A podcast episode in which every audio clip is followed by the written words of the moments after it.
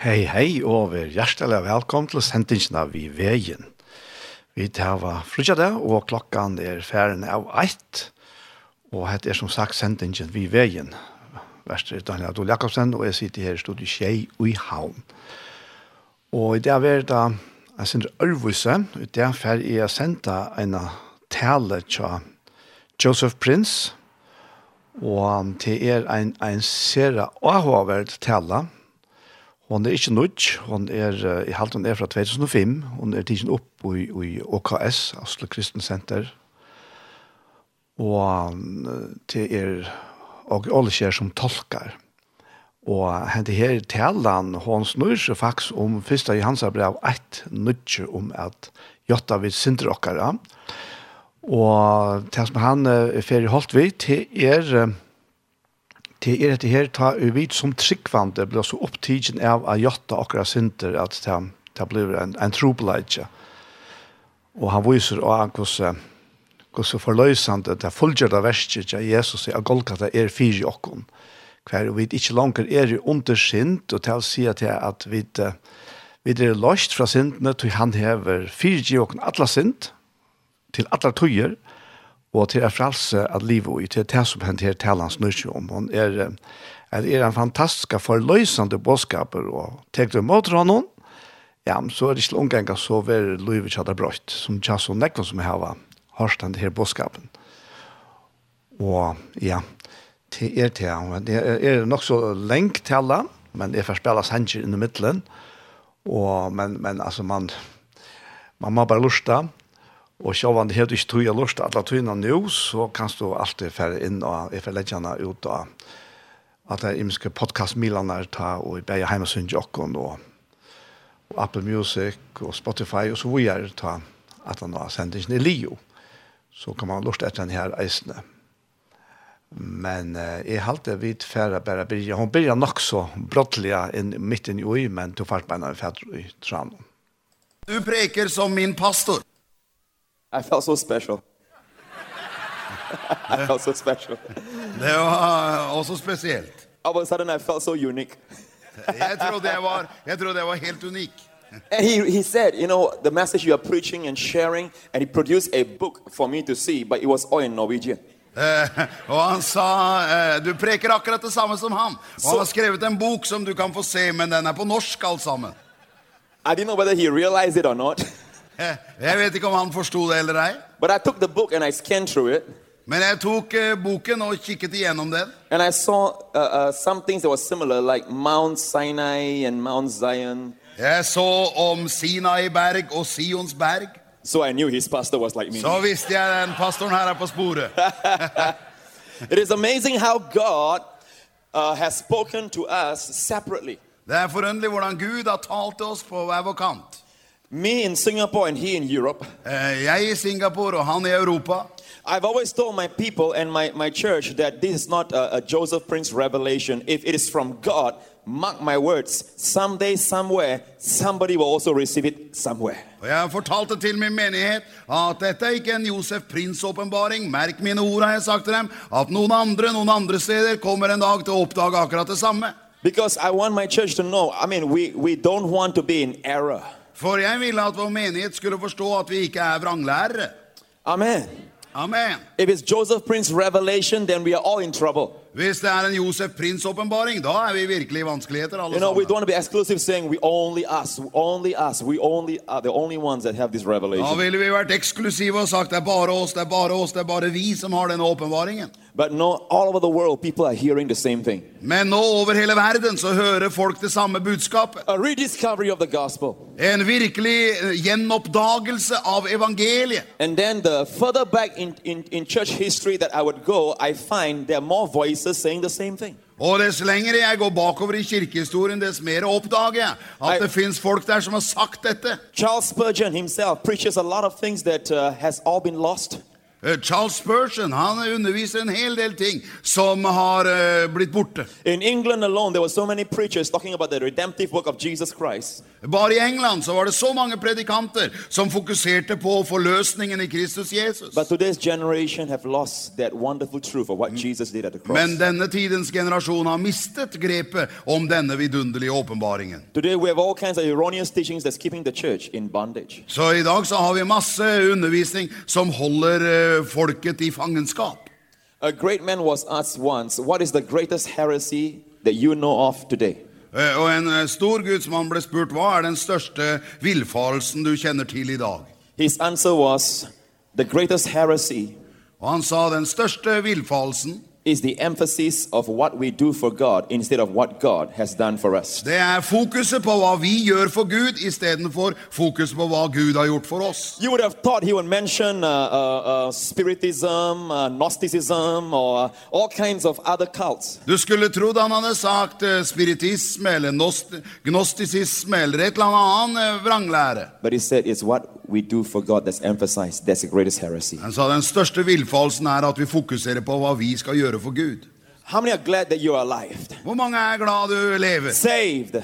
Frelst! Saved beyond recognition. Frelst Hallelujah. du over alle grenser. Amen. Amen. At any time, Og når som helst, the Lord Jesus will split the skies. eh, som Jesus måtte komme i skyen, And standing as we are right now, og stå her sånn som vi gjør akkurat we'll nå, be transformed like his body så vil vi bli forvandlet til samme kropp som and han, we'll be with him forever. og vi skal være med han for I really evig. believe we are that generation. Jeg tror virkelig vi er den The generasjonen. 11 hour generation Vi er den 11. timens generasjon, that didn't depend on his efforts but was the envy of the other hours. eh, som eh, ikke var avhengig av sine gjerninger. Da Alle de andre fra de andre timene var misunnelige på dem. The end time generation of grace. Men De var endetidsgenerasjonen som fikk bare nåde. And when Jesus calls for us, Og når Jesus eh, kommer for å hente oss, there'll be many of us who have not experienced death. så vil det være mange av oss som ikke har opplevd døden. I believe we are that generation. Jeg tror at vi kommer til å være den The Bible generasjonen. says the dead in Christ will rise first, Og da sier Bibelen at de døde i Kristus skal først oppstå. and then we who are alive will be caught up together with the Lord in the air. Og så skal vi som lever, sammen med dem bli rykket opp i luften og møte Herren. Amen. Amen. No more disease, Ingen mer sykdom. no more wrinkles. Ingen, Wrinkles. ingen rynker lengre. No more pimples. Eh, Ingen kviser lengre. no more growing old. Ikke lenger bli gammel. No more death. Ingen død mer. For how long? Hvor lenge da? Forever. I, for alltid. We all look good. Vi ser så fine ut. alle Young sammen. forever. Unge for bestandig. Forever young. For alltid ung. Forever young. Ung for alltid. Forever young. Do you want to be forever? Amen. Ha, Ville være ung for alltid. We all look, we look like Mr. Universe and Miss Universe. We all look like Mr. Universe Ja. and Miss Vi Universe. vil alle sammen se ut som herre eller fru univers. We will all look like Pastor Auge. we will all look like Pastor Auge. Vi Amen. vil alle sammen se ut som pastor Åge. Mercy. Hallelujah. Nåde. Praise the Lord. Halleluja. Amen. The Bible says we can Fröken never die Mars. again. We'll never die. Vi skal aldri dø. What would you do, Hva ville du gjort, guys? gutter? What would you do in your chariot of fire when you how fast will you speed knowing you cannot die? Eh, Hvor fort kan du kjøre u- uten å dø? Heaven is not a boring place. Himmelen er ikke et kjedelig sted når, når du kjører med dine ildvogner. Feeling bored is part of the, the curse, the fall of Adam. Det å føle seg kjedsommelig, det er en del av forbannelsen etter Adams fall. In heaven is perfect peace, perfect happiness, perfect joy forever. I himmelen er det fullkommen fred, fullkommen glede, fullkommen lykke for Amen. evig. Amen. And it can happen anytime. Eh, It can happen anytime. Og det now. kan skje når som helst. Amen. Are Oh, Amen. you excited? Er du begeistret? But please don't have your personal rapture yet. Men ikke eh, foreta din personlige, egen private bortrykkelse ennå. But one of these days, we are flying out of this place. Men en av disse dagene så flyr vi ut herfra. Amen. Amen. Hallelujah. Halleluja. I'll meet my father. Da skal jeg møte faren min. He is in heaven today. Han er i himmelen i dag. But when I meet him, I won't be able to recognize him because he will look young. Eh, Og når jeg møter ham, så vil jeg ikke kjenne han igjen med det samme, for han ser så ung I, ut. I will see this young man walk towards me like this. Jeg vil se den unge mannen komme og møte meg på den måten her. Yo, boy. Og han sier, oh boy. I say, who are you, man? Og jeg sier, hvem er du, They man? don't be rude to your dad. Og han Don't be sier, rude to your ikke vær uhøflig mot faren din nå, kommer han til å si. Whoa, hallelujah. Oh, halleluja! Aren't you glad to be saved? Er du ikke glad for å være frelst? Amen. Amen! Amen. Amen! Ladies, you don't have to go for Botox or plastic surgery anymore. Hallelujah. Og dere kvinner bør heaven. ikke ta plastiske operasjoner lenger. Well, there was no laughter for that. Sorry about Det that. var ikke samme nivå av latter rundt det. Jeg beklager. You know, I want to share I want to share a powerful truth that God revealed to me Jeg skal that dele has med set me deg, free. jeg skal dele med deg en kraftig sannhet som Gud åpenbarte for meg, og som satte meg fri. In fact, it is a truth that I was afraid to share for so many years in my church. Og dette var en sannhet som jeg s- var så redd for å dele i min menighet i mange år. I even told my leaders after I've shared with them not to share with the others in the church. Jeg talte, sa til og med til lederne mine etter at jeg delte med dem, at de ikke skulle dele det med de andre i menigheten. And it's in regards to 1 John 1 John 1 9. Og det refererer til 1. Johannes brev, 1. kapittel, vers 9. Confession of our sin. Nemlig det å bekjenne sine synder. It seems that this teaching is so widespread and so uh, uh, accepted all over the world that you are afraid to touch on it. Det ser ut som denne undervisningen er så befestet rundt omkring i hele verden at du er redd for å røre ved det. Even after God set me free in this area and revealed to me some powerful truths, I only shared it with my leaders. Selv etter jeg hadde satt meg fri personlig, og jeg hadde fått noe åpenbaring om det som var så kraftfull, så delte jeg det bare med lederne mine. And I told my leaders not to share it because I didn't feel it was time. Og jeg sa til lederne mine at de ikke skulle dele det videre, for jeg kjente at tiden var ikke inne for å dra det sløret. You know, there is a timing to truths. Du vet at det er timing når det gjelder dette med Jesus was sannheter. sensitive to the timing. Og Jesus var veldig sensitiv for den rette tiden. During the Last Supper, he said, I have many things to say to you, but you are not yet able. Ved siste måltidet så sa han, jeg har mange ting å si dere, men dere kan ikke bære det nå. Even Paul was sensitive. Paul says, I fed you with milk and not with solid food. Eh, Paulus var sensitiv på samme måten han sa, jeg har gitt dere bare melk og ikke fast føde. If we share a truth before its time, it is no better than error. Eh, Hvis vi eh, deler en sannhet før tiden, så er det like vanskelig som om det er noe galt vi underviser. But I think this church is ready for this truth. Men nå tror jeg denne menigheten her er klar for denne sannheten. And it will set many people free Og det vil sette mange mennesker fri. because you have the foundation of grace and the understanding of the forgiveness of all our sins. Fordi jo, du har allerede forstått det med nåden og at våre synder er tilgitt. So I would encourage uh, many of you preachers here today Så jeg vil oppmuntre mange av dere predikanter her i dag. to be sensitive about sharing this truth I'm sharing til å være sensitiv overfor den sannhet jeg skal vise deg i formiddag. because uh, it's important that people understand that what Jesus did at the cross is a complete work before they understand this truth. For det er veldig viktig at folk først forstår at det Jesus gjorde på korset var et fullkomment verk, før de kan skjønne den sannheten her. Amen. Amen. How many understand that all your sins are forgiven? Hvor mange av dere forstår at all din synd er tilgitt? Let's read Ephesians chapter 1 La oss se i Efeserne 1. in case there's a doubter in the crowd. I tilfelle det finnes en i mengden her som tviler, Let's prove it from scripture because everything must be proven by the word. så la oss bevise det for deg fra skriftene, for allting må bevises fra ordet. In Ephesians chapter 1 verse 7, the Bible says in Christ we have redemption through his blood, the forgiveness of sins according to the riches of his grace. Efeserne 1,7 I ham har vi forløsningen ved hans blod, tilgivelse for syndene etter hans nådes rikdom. Eller overtredelsene, står det her. Notice the Bible says we have forgiveness of sins, not trying to get it. Det står her at vi har fått for, eh, tilgivelse for overtredelsene, ikke at vi skal få det. And the forgiveness of our sins is according to the riches of his grace. Og tilgivelsene for våre synder er ifølge hans nådes rikdom. In other words, if you can measure the riches of God's grace, that's how much your sins are forgiven. Med andre ord, hvis du kan måle rikdommen av Guds nåde, det er så stor din tilgivelse er. The Bible says according, not out of.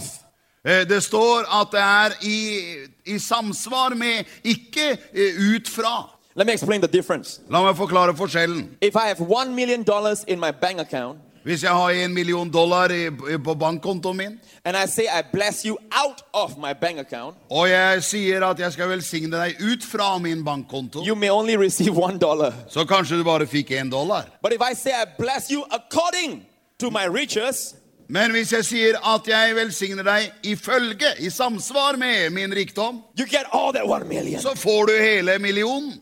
Our forgiveness of sins is not out of, but according to the riches of His grace. Så eh, vår tilgivelse er ved Hans nådes rikdom, i samsvar med, etter Hans nådes rikdom. So your sins are forgiven completely. Så det betyr dine synder er fullstendig tilgitt. Every sin of thought, word, and deed is completely forgiven. Alle synder av tanke, gjerning eller eh, handling er tilgitt. In Colossians, it tells us, having forgiven you all I trespasses. Kolosserne står det, i det han har tilgitt oss alle våre synder. All means all. Alle betyr alle.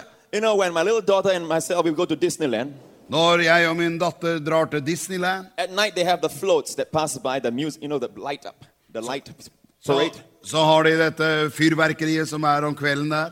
We see one by one every parade that goes by. Og så ser vi denne paraden hvor den ene etter den andre av disse figurene går Oh, forbi. there is Snow White. Og der er Snøhvit. Oh, there is, uh, what- we need the pool. Okay. There is Pastor Okay. Der Hallelujah. er pastor Åge. Halleluja. We see it one step at a time. Vi ser en og en om gangen når de går forbi. But from a helicopter point of view, Men fra et helikoptersynspunkt the helicopter sees the beginning of the parade until the end, So and the come- end in the beginning. så kan helikopteret se starten og slutten på hele paraden. So when heaven says to us, Your sins are forgiven, having forgiven you all, heaven's all is not your all. Så når himmelen sier at han har tilgitt deg alle dine synder, så betyr ikke det det samme som når du tenker alle fra ditt ståsted. Because God sees your sins from the day you were born until the day you get raptured. For Gud ser dine synder fra den dagen du ble født til den dagen du blir bortrykket. God has seen your future. Han har sett din framtid, And when He sent His Son to the cross, God took your entire life of sins and nailed it to the og cross. når han sendte sin sønn for å dø på korset, så tok han all din synd og naglet det til korset for hele ditt liv. But in the church today, Men i menigheten i dag, there's a teaching that says you are forgiven from the day you are born until the day you accept Jesus. så er det en undervisning som sier at ja, du er tilgitt alle dine synder fra du ble født og til den dagen du tar imot Jesus. So let's suppose you received Jesus in the year 1980. Så la oss si at du tok imot Jesus i året 1980. and you were born in 63. Og så ble du født i 1963. That's the year I was born. Det er det året jeg ble født. That means your past sins are, are forgiven, but not your future. Eh, Så vil den undervisningen si at du har fått tilgivelse for dine tidligere synder, men ikke dine framtidige synder. And from then on, you got to watch how you walk. Så fra det av så må du passe på hvordan du lever.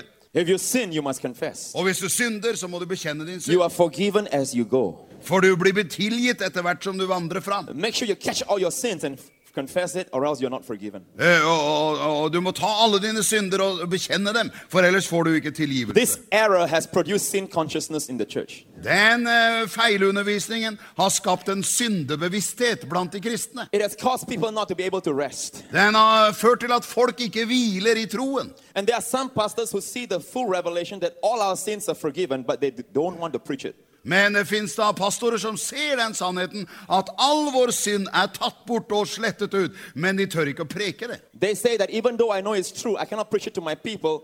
I'm afraid they'll go out and take advantage of it. Eh, De sier jeg, 'jeg ser at det er sånn, men jeg tør ikke å preke det til min forsamling', for jeg er redd de skal benytte seg av det og gå ut og synde. Your job is to preach the truth Men din jobb er å preke sannheten. and let the Holy Spirit take care of the act Og la Den hellige ånd ta hånd om handlingene. and have more faith in the Holy Spirit in your people. Og ha mer tro på Den hellige ånd i folket ditt. Only the truth will set people free. For all sannhet setter mennesker fri. And by the way, the idea that knowing that your sins are forgiven of your entire life will produce sin is not what Jesus said. Eh, Og det å forstå at Jesus har tillit til alle dine synder, unntagen dine framtidige synder, det er ikke hva Jesus sa. Remember, do you remember the prostitute that came to the house of Simon the Pharisee? Husker du den prostituerte som kom til Simon fariseerens hus, She wept at Jesus' feet, og hun gråt ved Jesu føtter? and uh, Jesus told the Pharisee, Let me tell you a story. Og Jesus sa til fariseeren, la meg fortelle deg en historie. There were two creditors that borrowed money from a rich money lender. Det var to som skyldte penger til en rik mann. One owed one million, the other owed 100. Den ene eh, skyldte en million, den andre skyldte When 100. they both could not pay, he forgave them both. Og når begge to ikke kunne betale, så tilga han dem, etterga dem gjelden begge to. He was speaking the Pharisees' language, money. Og han snakket fariseerens språk, han snakket om penger. He asked, Which of the two will love him more? Og, og så sa han, hvem av de to vil elske Well, han the, Pha- høyest? the Pharisees, of, of course, I suppose the one that's forgiven much. Og uh, fariseeren sier, selvsagt, han, han som fikk tilgitt mye. Jesus looked at the Pharisee and say, Well, This yes. woman loved me much because she's forgiven much. Og Jesus sa eh, til fariseeren, denne kvinnen elsker meg mye, for hun ble tilgitt mye. The more our people know that they are forgiven much, the more they will love him much. Så dess mer folk forstår at de har blitt tilgitt mye, dess mer vil de elske ham mye. The more they fall in love with him, the more they fall out of love from sin. Og dess mer de blir forelsket i Jesus, dess mer faller de ut av kjærlighet til synden. Amen. Amen. Amen. Amen. So all our sins are forgiven. Så alle våre synder er tilgitt. Let me ask you this question. La meg stille deg et spørsmål. When Jesus died on the cross, how many of your sins were future? Eh, Da Jesus døde på korset, hvor mange av dine synder var da i framtiden? Framtidige synder? All of it, Alle sammen? unless you are 2,000 years old. Hvis ikke du er over 2000 år gammel, da. So when Jesus died at the cross, because the cross is outside time, Fordi Jesus, da han døde på korset, eh, så er korset det er utenfor tiden. he was able to die for all those in the Old Testament from the time of Adam, Han var i stand til å dø for alle mennesker, helt fra Adam. and he died for everyone who would come in the future, all the way to the last man. Og han døde for alle som skulle komme i framtiden, helt til det siste mennesket på jorda. Yes, he died for Norwegians and Swedes as well. Og han døde til og med for norsker og svensker. And God took your entire life, like God sees the panoramic view of the parade. God took your entire life because He has seen your entire life and put them all at Jesus, and it's all forgiven. Og Gud tok hele ditt liv, for han kan se det i et panorama. Og han tok alle syndene fra ditt liv og naglet dem til Jesus. Hallelujah. Halleluja! Hallelujah. Halleluja! Amen. Amen. The Bible never says that forgiveness for a Christian is something for him to reach out for, it is something he possesses already. Så Bibelen sier aldri at en kristen han skal strekke seg ut og få tilgivelse. Nei, tilgivelse er noe han allerede har. In, in 1 John, it says, I write to you, little children, because your sins are forgiven you for His name's sake. I 1. Johannes brev så sier, eh, sier Johannes at jeg skriver til dere for, fordi deres synder er forlatt for hans navns skyld. Forgiven is the past tense. Your sins are forgiven you. You're not trying to get forgiven, you are forgiven you. Det står i fortid, det står ikke at du skal prøve å få tilgivelse. Det står dine synder er deg forlatt for hans navns skyld. The moment you realize this truth, Så i det øyeblikk du oppdager denne sannheten, then you will ask the question så vil du stille spørsmålet, what about confession of sin? hva med det der å bekjenne sine synder? Right? Ikke sant? It's taught so widely in the body of Christ. Eh, og det, det undervises veldig mye om det i Kristi kropp. So listen. Så hør her. Arren vi færa vi er i talen etter Joseph Prince, så færa du høyra sangbalsen Tina vi sanns noen firegiven synden. Vi hava hørst sangbalsen Tina vi sanns noen firegiven synden. Vi får halda fram vi talene etter Joseph Prince. Til er og alle skjer som tolkar. Hvor mange forstår sannheten? Now I'm going to say a lot of things. It's all from the scriptures. Jeg skal vise deg hvordan alt det her er fra skriftene. But because of time, we're not able to go to every reference. But many of you here are leaders, so I trust that you know the passage. Eh, gjennom, eh, vi rekker ikke å dekke alt sammen her nå, men fordi du er en predikant, så vet jeg at du kjenner skriftene. 1 John 1 9 is from the first epistle of John, verse 9. 1. Johannes, første kapittel, vers 9, er fra den første delen av Johannes brevet. It says, If we confess our sins, God is faithful and just to forgive us our sins and to cleanse us from all unrighteousness. Og der står det at eh, eh, når, dersom vi bekjenner våre synder, er han trofast og rettferdig, så han forlater oss alle syndene og renser oss fra all urettferdighet. So it sounds like a contradiction that God is faithful to future tense, to forgive us and to cleanse us from all unrighteousness. Så her kan det se ut som en, eh, en eh, selvmotsigelse, for det står at eh, han eh, tilgir oss alle syndene og renser oss eh, for all urettferdighet. Because God says in all the scriptures I gave you just now that our sins are forgiven, but here it says he is faithful to forgive. Eh, Fordi i alle If we de andre confess. skriftstedene jeg har vist deg, så står det at han har allerede tilgitt deg. Mens her står det at han er mektig til å tilgi deg. And we must relook this scripture. Så derfor må vi se litt nøyere på det skriftstedet. Leaders and pastors, Ledere og pastorer, you know that something is wrong when a doctrine is built only on one verse. du vet at noe er galt når man lager en læresetning ut av ett bibelvers. If a truth is a powerful truth, is repeated like grace, it's repeated in all of Paul's writings. Hvis en sannhet er en mektig sannhet, så gjentas den igjen og igjen i skriftene, akkurat som Paulus' undervisning for eksempel om nåden er i skriftene. Isn't it amazing that the Apostle Paul never one time in all his Holy Spirit inspired letters made reference to confession of sin for the believer? Er det ikke da merkelig at apostelen Paulus i alle sine eh, gudgitte åpenbaringer i sine skrifter aldri nevner det med å bekjenne synd? If confession of sin is as, as important as many people make it out to be, then Paul has done us wrong and injustice. Hvis det er å bekjenne sin synd, sine synder er så viktig som noen hevder at det er, da har Paulus gjort oss en stor eh, feil ved å ikke nevne det i sine skrifter i det hele tatt. Now, don't misunderstand me. The confession of sin is taught in the Old Testament, Eh, Ikke misforstå meg, det snakkes om å bekjenne sine synder i det gamle all the way until testamentet. John the Baptist. Helt ned til døperen Johannes. But in Paul's Holy Spirit inspired letters, it was never referred to, not even once. Men i Paulus' helligåndsinspirerte brever så er det ikke nevnt en gang.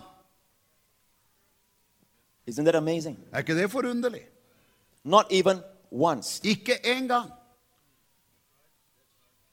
Not even once.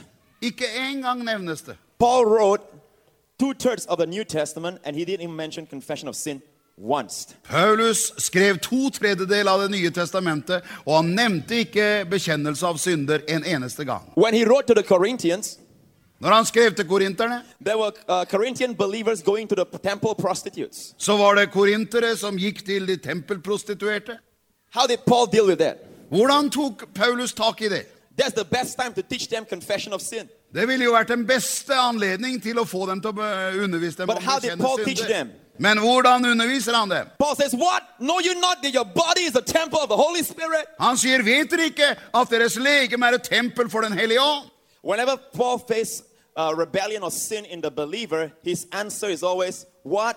Don't you know? Hver gang han finner opprør og synd i troendes liv, så legg merke til alt det er Paulus' medisin her. Vet dere ikke? Kjenner dere ikke til? And notice what it says Don't you know that your body is present tense, still, Well, I'm still the temple of the Holy Spirit? Og han sier til dem, vet dere ikke at deres kropp er fremdeles et tempel for den hellige ånd? He's writing to people who are going to temple prostitutes. Og han snakker her til, til eh, mennesker som gikk til tempelprostituerte. Now, that's the best time to bring the law. Don't you know the law says, Thou shalt not commit adultery? ville vært den beste anledning til å bringe inn loven og sagt, vet du ikke at loven sier, du skal ikke drive hor? But Paul's answer to sin is, Hey, wake up, realize who you are, what you have in Christ. Men Paulus' svar på det med synd var, våkne opp, forstå hvem du er i Kristus. Amen. You Amen. don't have to look for love in all the wrong places. You found true love in Christ. Du behøver ikke å se etter kjærlighet på alle de falske arenaene. Du har den sanne kjærlighet i Kristus Jesus. There was another group of Christians in the Corinthian church, and they were suing one another in court. Og det fantes en gruppe av kristne i Korintermenigheten som førte rettssaker mot hverandre i retten. Paul's answer to that was, What? Don't you know we shall judge angels? Og Paulus' svar på det var, vet ikke dere at vi skal dømme engler? Can you even judge these things among yourself? Why go to the hidden court? Klarer dere ikke engang da å dømme i disse tingene mellom dere selv? Hvorfor i all verden må dere gå til rettssaken? Paul's response to sin in the church is always, Don't you know who you are? Don't you know what you have? Så Paulus' svar på det med synd er alltid Vet dere ikke hvem dere er? Vet dere ikke hva dere har? Today, the church either tells the people, Confess your sin, Hey, or no. they say, The law says thou shalt not commit adultery. I, i dag så, så sier man enten du må bekjenne dine synder, eller man sier loven sier du skal ikke drive hor. Paul did neither. Men Paulus gjorde ingenting He av det. reminded them of who they are in Christ, what has happened to them because of Christ, and what they have in Christ. Han mi- bare minte dem på hvem de er i Kristus, hva de har i Kristus, hva de er på grunn av Kristus. Amen. Amen. Amen. Amen. Now, don't you think that's the best time to tell those who are going to the prostitutes, hey, you are out of fellowship with God? Tror du ikke den beste tiden ville vært å sagt til disse som gikk til prostituerte? Hør her, du er ute av Now you samfunnet med have to Gud. confess your sins to get right with God. Du må bekjenne dine synder for å få din sak i orden med Gud. Isn't that the best time? Ville ikke det vært en bra anledning til å ta opp den But it's undervisningen? not written in Paul's letters. Men det står ingenting om det i Paulus' brever. Now I want to answer the, the argument that people say, well, I exalt Jesus' words in the Gospels than Paul's words.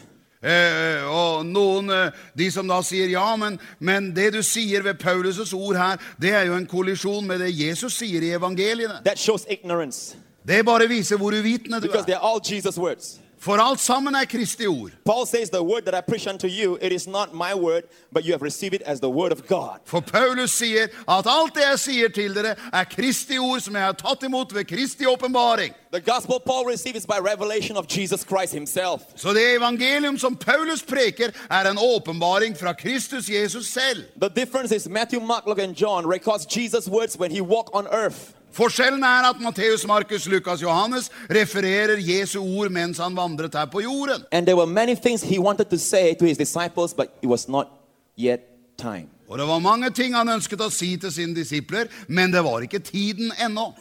But now the words of the apostle Paul written are the Holy Spirit inspired words that came direct from the risen Christ. Men nå er eh, det budskapet Paulus fikk, det er direkte fra den oppstandende, And herliggjorte it's Kristus Jesus. written to the church Og det er skrevet til menigheten. after the death, burial, and resurrection of Jesus Etter Christ. Jesu død, begravelse og oppstandelse. Many things Jesus said was not applicable uh, today because it's under the law, but it's Paul's letters that's applicable, wholehearted, complete, whole for the church. Veldig mye av det Jesus sa i evangeliene, er ikke anvendelig på menigheten. For det er før Jesus hadde dødd og stått opp fra de døde. Mens det han sier fra himmelen til Paulus, det er til menigheten etter korset. Under the Gospels, Jesus says you must forgive in order for God to forgive you. For eksempel i evangeliene så sier Jesus at du må tilgi for at du skal få tilgivelse fra Gud. But in Paul's letters, by the Holy Spirit, Paul said of what Jesus, the risen Christ, is saying, Men i Paulus' brever så sier den oppstandende Kristus til Paulus forgive even as God has forgiven you. At du skal tilgi, like som Kristus har tilgitt deg. If we rob people of the revelation of the forgiveness of their sins, they are not able to forgive one another. Så hvis vi stjeler fra folket åpenbaringen om at deres synder allerede er tilgitt, så tar vi fra dem muligheten til å tilgi hverandre. Because we forgive even as God has forgiven us. For vi tilgir liksom Gud har tilgitt oss i Kristus. So if I think that God only forgives my past sins, Så hvis jeg bare tror at Gud tilgir meg mine tidligere synder, I will forgive you only partially. så vil jeg gi, tilgi deg bare delvis. But if I know God has forgiven me completely, Men hvis jeg vet at Gud har tilgitt meg fullstendig, I will walk in forgiveness towards all men. så vil jeg vandre i tilgivelse overfor alle mennesker. Because we tend to extend to people what we think we are receiving from God. For vi prøver å Vi gir videre til mennesker det vi tror vi har fått fra Gud. If you see an angry preacher, it is because he sees an angry God. Hvis du ser en sint predikant, så er det fordi han tror han har en sint Gud. If you see a gracious preacher, it's because he has seen the gracious God. Hvis du ser en nådefull predikant, så er det fordi han har sett den nådefulle Gud. So we want our people to forgive, Så vi vil at folket skal tilgi, but not in order for them to be forgiven. men ikke for at de skal tilgi. eh, But Bli because tilgitt. they realize they've been forgiven. Nei, det er motsatt når de skjønner at de er tilgitt. Amen. Amen. This will transform our, our, our lives. Så vil det forvandle våre liv. You know, there are times my wife and I have a situation. Det fins tider da jeg og min kone har en eller annen situasjon. She does not see my awesome wisdom. hvor hun ikke ser min veldige visdom. And there's a little situation where voices are raised. Eh, og det er jo kanskje en filleting, men, men stemmene blir høymelte. I know that Pastor Augie doesn't understand all this. He does Yeah, not get we- angry. Jeg vet at pastor Åge forstår ikke alt det her, for han blir aldri sint For 30 years, på 30 år. So you know what? She's quiet and I'm quiet. Så hun eh, tier stille, og jeg tier stille. Now here is what you believe matters. Og her er hva du tror teller. In the past, when I believe a lie, Eh, Tidligere, når jeg trodde på en løgn, I said to myself, this morning I spent such sweet fellowship with God, så tenkte jeg denne morgenen hadde jeg så herlig fellesskap med Gud. and now she has spoiled it. I'm out of fellowship with God. Men nå har hun ødelagt alt sammen, så nå har jeg mistet eh, fellesskap med Gud. I end up getting angrier Og da ender jeg opp med å bli enda sintere. because now I hold her responsible for breaking my fellowship with God. For nå holder jeg henne også ansvarlig for at hun bra, brøt kontakten med Gud Man, for this meg. morning I was in the floor, I was feeling the presence of God, and now this woman, Her hadde jeg så herlig på morgenen, hadde fellesskap med Gud og fløt så herlig. Men nå, denne kvinnen and our times of reconciliation was um, a long time before we reconciled. eh, og, og kanskje det gikk lang tid før vi ble liksom forsonet igjen. Nowadays, I'm not perfect yet, Eh, nå for tiden, jeg er ikke fullkommen ennå, like Pastor Augie, eh, sånn som pastor Åge er. but our times of reconciliation has got shorter and shorter. Men det har blitt kortere og kortere eh, til vi blir forsonet. And the difference is this. Og forskjellen er dette. Y'all look at me with like a spiritual look. Uh, y'all don't have this kind of experience. Ja, dere ser på meg med sånn åndelig blikk. Det er festlig å se. Oh, Pastor Prince, uh, I don't know why Pastor Augie invited you. Uh, you're so carnal. Å, pastor Prins, jeg skjønner ikke hvorfor Åge har invitert deg. Det, er- ja. But the difference now, why my wife and I, we, I mean, I can uh, go to her after a short time of even a quarrel and reconcile is because of this truth. Eh, Nå kan jeg gå til min kone til og med etter en krangel, og vi kan bli forsonet veldig raskt på We might, be, grunn av I- denne we sannheten. might get into a quarrel Kanskje vi krangler, and then we are quiet. og så tier vi, blir det helt stille. Does it sound familiar to any of you?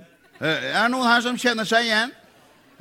Oh, It only happens in Singapore. Det er visst bare i Singapore sånt nå skjer.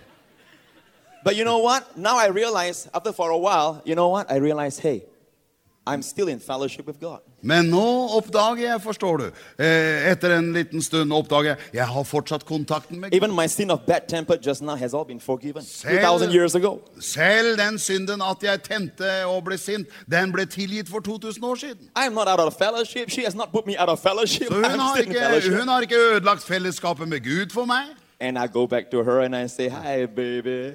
Og da går jeg tilbake henne og sier hei, baby. Yeah, she might say, "Mm," Og hun kanskje sier hm. but you know, enough persuasion. Eh, She will always give in to my charms. Hallelujah. men jeg kan bare fortsette med litt overbevisning, for hun er alltid ettergivende overfor sjarmen min. But if I think, if I think that our, our quarrel has caused me to be out of fellowship with God, it takes a long time before I come back. Men hvis jeg trodde at he- vår krangel hadde brakt meg ut av fellesskap med Gud, så ville det tatt mye lengre før jeg kan gå tilbake og forsone meg. That's the danger of this teaching. Og det er det som er farlig med den undervisningen. But when you realize the love of God, For hvis du forstår Guds kjærlighet, even when you had a quarrel, at selv når du hadde en you don't krangel, feel like talking to one another, og du ikke føler for å snakke med hverandre, then don't talk. så ikke snakk. Sit one corner and meditate on God's love for you. Bare se en kommentar om Guds kjærlighet til deg. Tell yourself, God still loves me. Bare si til deg sjøl Gud elsker meg fremdeles. God has forgiven me of all my bad temper just now. Gud har tilgitt meg mitt dårlige humør akkurat nå. And all of a sudden, your heart will melt. Og plutselig så vil ditt You will hjerte see your wife and you will see God's love for her as Du well. vil se kona di og se Guds kjærlighet for henne også. That's the key. Det er nøkkelen. Whereas the other teaching, believing a lie will cause you to be, to be in strife even more.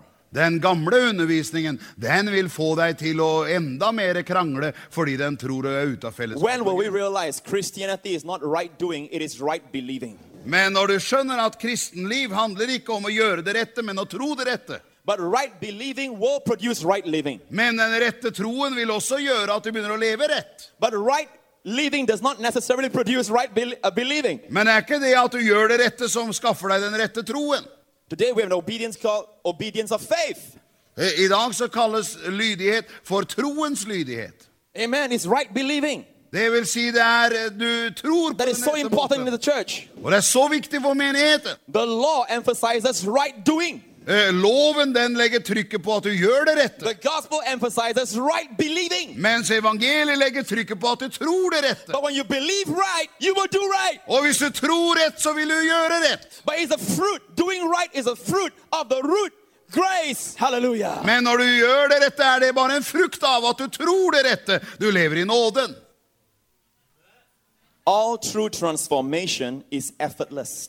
Så all sann forvandling, den er uten innsats fra din side. The more you, you realize you are forgiven, the more the Lord, the, Lord, the Lord transforms you from inside out. Dess mer du forstår at du er tilgitt, dess mer kan Herren forvandle deg fra Amen, innsiden og HP. ut. Amen. Amen. The more you realize God forgives you, the more you are transformed. Er det sant, HP? Dess mer du skjønner at du er tilgitt, dess mer kan du andre i tilgivelse. But let's go to 1 John 1 9 Men la oss gå til 1. Johannes 1, 9 og se. and ask ourselves what is 1 John 1 9 talking about? Og finne ut hva snakker da 1. Johannes 1, 9 It is om. still inspired scripture, For det er fortsatt et gudinspirert skriftsted. and we have to interpret it correctly. Og vi må derfor tolke det rett. First, do do you see that in 1 John chapter 1, there is no uh, greeting that speaks about the saints, Eh, Har du sett i 1. Johannes 1 at det finnes ingen hilsninger der som taler om de hellige? Verse 1 doesn't greet the saints. Han hilser ikke til de hellige i, i 1. Johannes 1.1. Like in Paul's letters, he will say grace and peace to all the saints in Ephesus or Corinth. For eksempel alle Paulus' brevet starter med «Jeg hilser alle de hellige som er i Efesus. Jeg hilser alle de hellige som er i Korint». You know, he's d- writing directly to believers. Da vet du at han skriver direkte til troende. When John wrote this epistle, Mens når Johannes skrev sitt brev, he wasn't just writing to believers, he was writing to the Gnostics that was in the church. så skrev han ikke bare til de troende. Han skrev for eksempel til gnostikerne som prøvde å infiltrere menigheten. Gnosticism is a heresy in the early church. Gnostisismen var en vranglære som fantes i den første menighet. They denied that Jesus Christ came in the flesh. De fornektet for eksempel at Kristus var kommet i kjød. Today, Gnosticism is Christian science. I, I dag så er gnostisismen det samme som Christian Science. That movie Matrix is based on Christian science. Den eh, what, What's the movie? The Matrix. Eh, filmen Matrix, den bygger på Christian Science. Sacrilegious. You don't know what's Matrix. I, I, I, Okay, never mind. I don't, Uh, uh, you see, don't watch I don't movies. see any movie. You say, I'm, No wonder you're not Yeah. bad tempered. That's the secret. I found the secret. They deny the existence of sin. Så de fornektet eksistensen av synd. They deny the existence of sickness. De fornektet at det eksisterte sykdom. There is no evil. Det fantes ikke noe ondt. So when a Christian scientist uh, uh, uh, has, a, has, has an accident, Så når en eh, i Christian Science har en ulykke, there's blood everywhere. og det er blod overalt, His arm is severed and it's lying in one corner. og armen hans ligger over i et annet He hjørne, looks at it and says, "That's not my arm. så ser han på det og sier, det der er ikke This min is not my arm. blood. Dette er ikke mitt blod. That's Gnosticism." Det er gnostisisme. So they deny Christ came in the flesh. Så de fornektet at Kristus var kommet i kjød. So John wrote to them, chapter one, Så Johannes skrev til dem i kapittel 1, and he used the style of "we." og han, han bruker den stilen at han sier vi. Doesn't mean that John is not safe. Det betyr ikke at Johannes ikke var He frelst, says that if we say we have no sin, men han sier hvis vi sier at vi ikke har syndet, we lie, så, er vi, så lyver vi. and the truth is not in us. Og sannheten er ikke i oss. But if we confess our sins, Men hvis vi bekjenner våre synder, that means get safe. det han med andre ord sier, bli frelst. God is faithful and just to forgive us our sins and to cleanse us from all Da er Gud unrighteousness. trofast og rettferdig og tilgir deg alle dine synder. Chapter 1 was written to the Gnostics. Så 1. Johannes kapittel 1 er skrevet til gnostikerne. That's why the very first verse it says like this that which we have seen and our hands have handled of the word of life. Det er derfor han starter i vers 1 med å si at det våre øyne har sett, det vi har kjent på med våre hender, We declare to you so that you, the Gnostics, unsafe Gnostics, will also have fellowship with us. Så det skriver vi til dere for at dere, for at dere ufrelste gnostikere, også kan få fellesskap med oss. It is not written to believers. Det er ikke skrevet til de troende, Now I say that uh, uh, with reverence og jeg sier det med ærbødighet. because I know many great men of God have said this verse is written to believers. For jeg vet at mange store gudsmenn har sagt at dette er skrevet til de troende.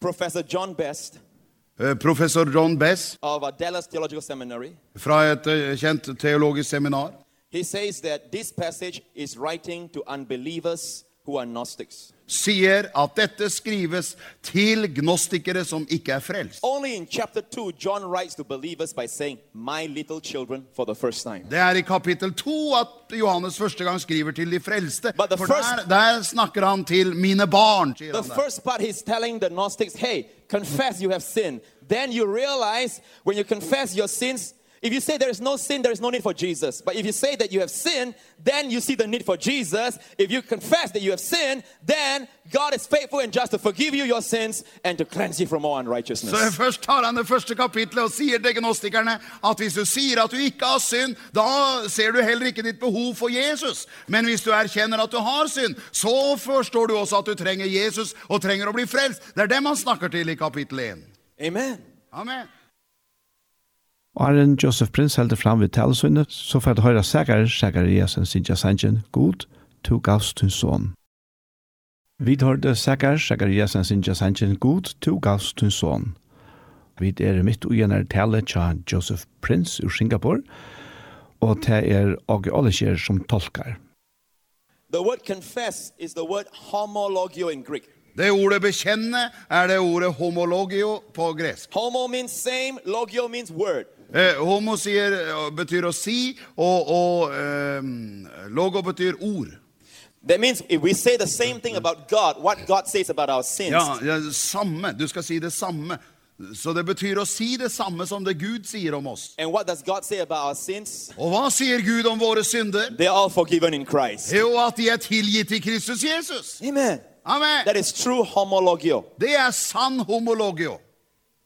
true confession, Sann bekjennelse. is to agree with God. Det er å være enig med Gud. And God says all your sins are forgiven. Og Gud sier alle dine synder er tilgitt. You have forgiveness of sins according to the riches of my grace. Du har tilgivelse for synden ifølge min rikdom av nåde. And we confess the same as God. Og da bekjenner vi det samme som Gud. Amen. Amen. But what has happened in the body of Christ Men det som har skjedd i Kristi kropp, is er that they take this verse at de tar dette and they verset say that when a believer sins, he's out of fellowship. Eh, så sier de at når en troende synder, så mister han fellesskapet med Gud. They say that he's still in relationship, but he's out of fellowship with God. De sier han er fortsatt, har fortsatt slektskapet, relasjonen med Gud, men han er ute av fellesskapet med He Gud. has broken fellowship, but he has not broken relationship. Han har brutt fellesskapet, men han har ikke brutt relasjonen. How many have heard that before? Hvor mange har hørt den undervisningen før? You know what it all comes back to? Same thing.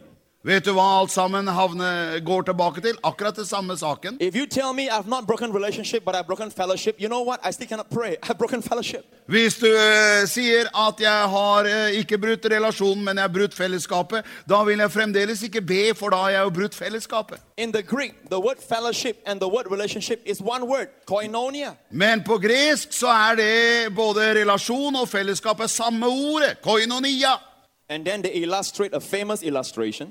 Og en berømt illustrasjon er, her, They will say that, for example, if your, your child sins against you, eh, at for eksempel hvis ditt barn synder mot deg, there's broken fellowship. så blir fellesskapet brutt.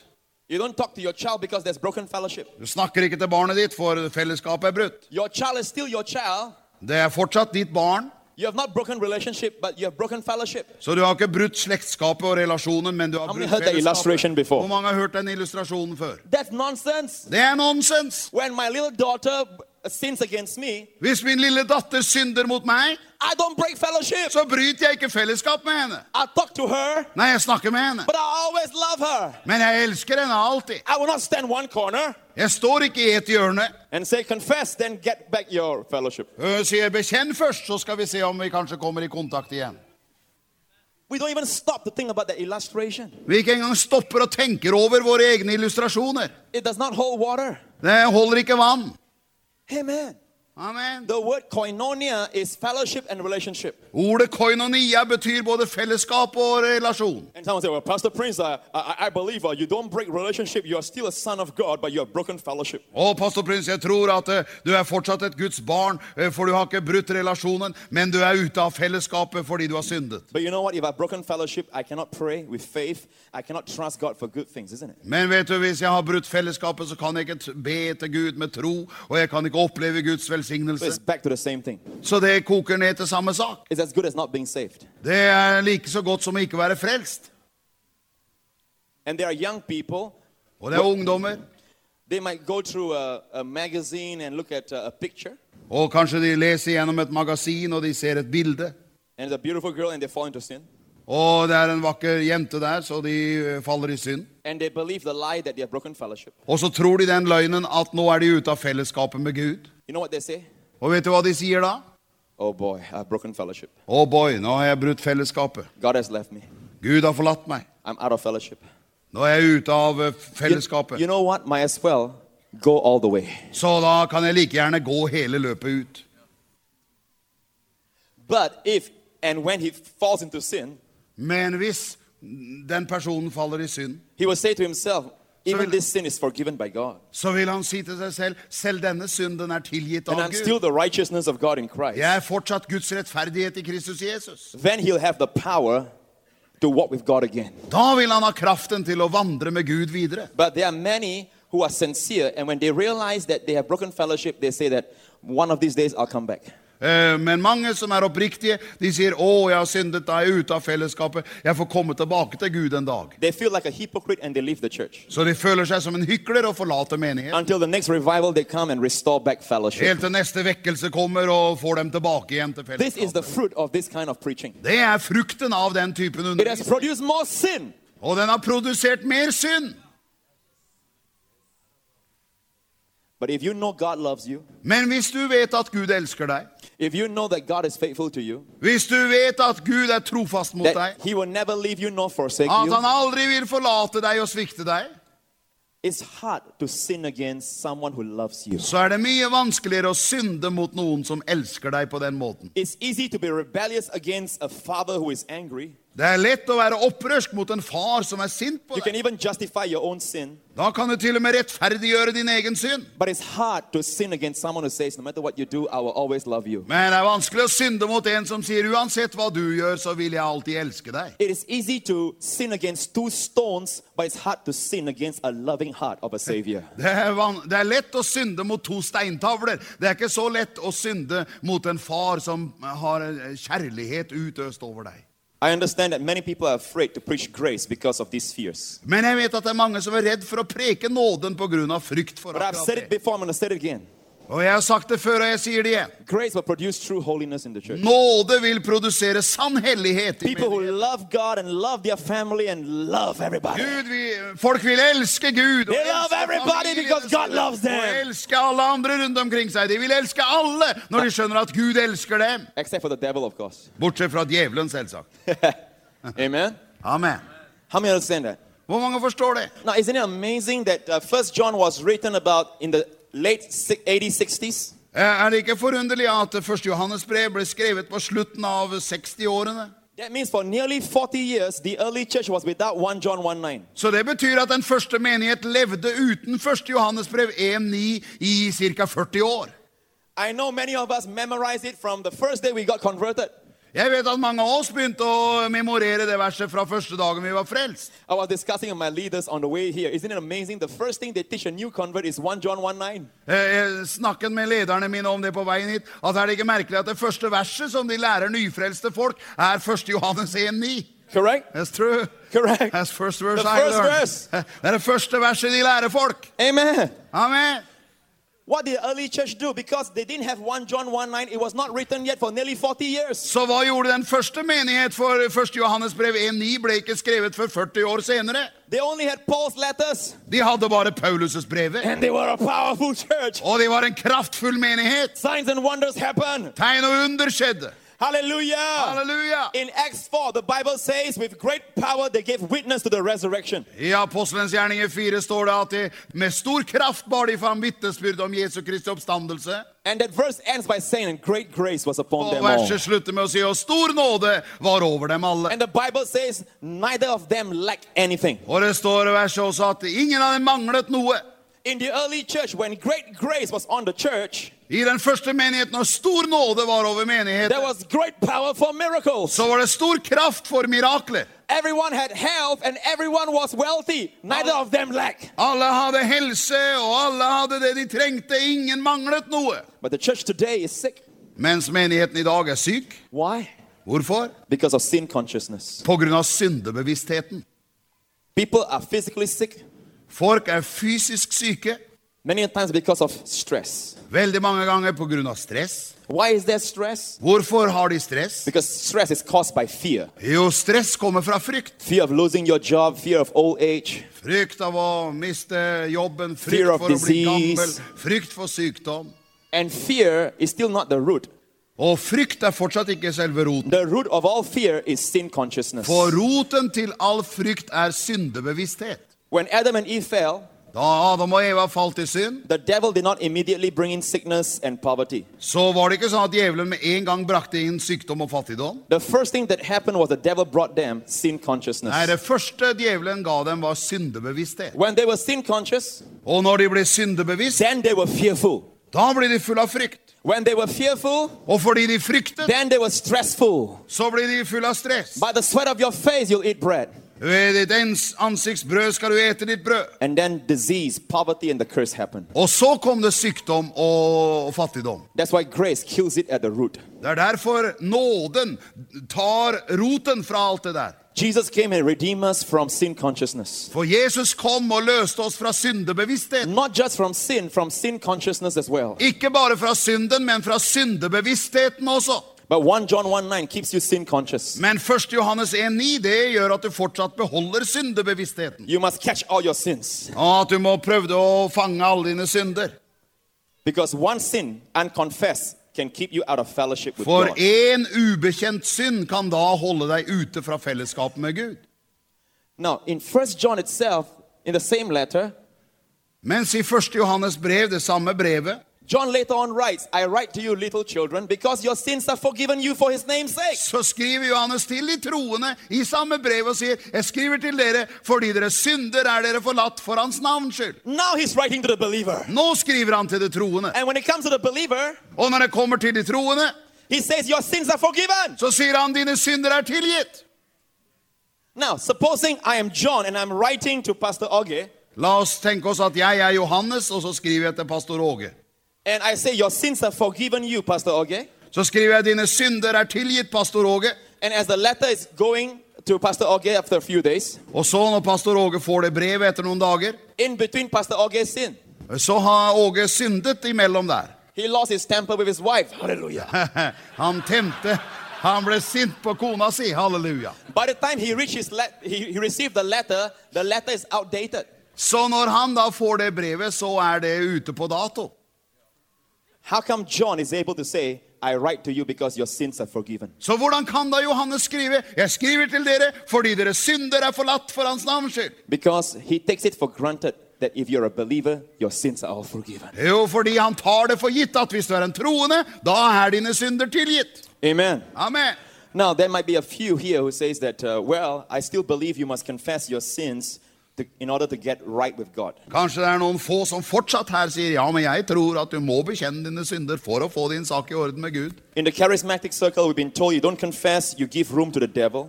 I karismatiske sirkler blir man undervist at hvis ikke du bekjenner, så gir du rom for djevelen. But I say today, if you are sin conscious, you give room to the devil. Men jeg vil heller si at hvis du er syndebevisst, det er da du gir rom til djevelen. Because sin consciousness is saying that what Jesus did is not complete. Fordi bevissthet om synd og syndebevissthet, det er det samme som å si at det Jesus gjorde ikke er fullstendig. I have to do something to add to it. Jeg må gjøre noe for å legge noe til det Jesus gjorde. Sin consciousness is like slapping the hand of God. Så syndebevissthet, det er som å slå til Gud på fingra. If I owed, let's say, um, Pastor Talmud, I owe him some money. La oss si at jeg skyldte pastor Tormod noen penger. Where is, okay, there is he. Der er han. Okay, let's say he's a hard-hearted man. La oss si at han er en He hardhjertet mann, demands payment, og han krever inn betaling. and I'm not able to pay him. Og jeg er ikke i stand til å betale. han. And I, I the last time I was here, I borrowed how much? Eh, Hvor mange var jeg lånt av deg sist jeg var her? Two thousand dollars. Okay, two thousand dollars. 2000 dollar. Let's say I borrowed from him two. It's a joke, by the way. Okay. Det er bare en vits, ikke sant? Eh, Men vi bruker det som illustrasjon. So let's say I borrowed from him two thousand dollars, La oss si at jeg lånte 2000 dollar fra han. and I'm not able to pay. Og jeg er ikke i stand til å betale det tilbake. And he's gonna ha- send HP to after me. Eh, Og, og han kommer til å sende HP etter meg. I'm afraid. Og jeg er redd. What do I do? Hva skal jeg gjøre? I have a very good friend in Norway called Åge.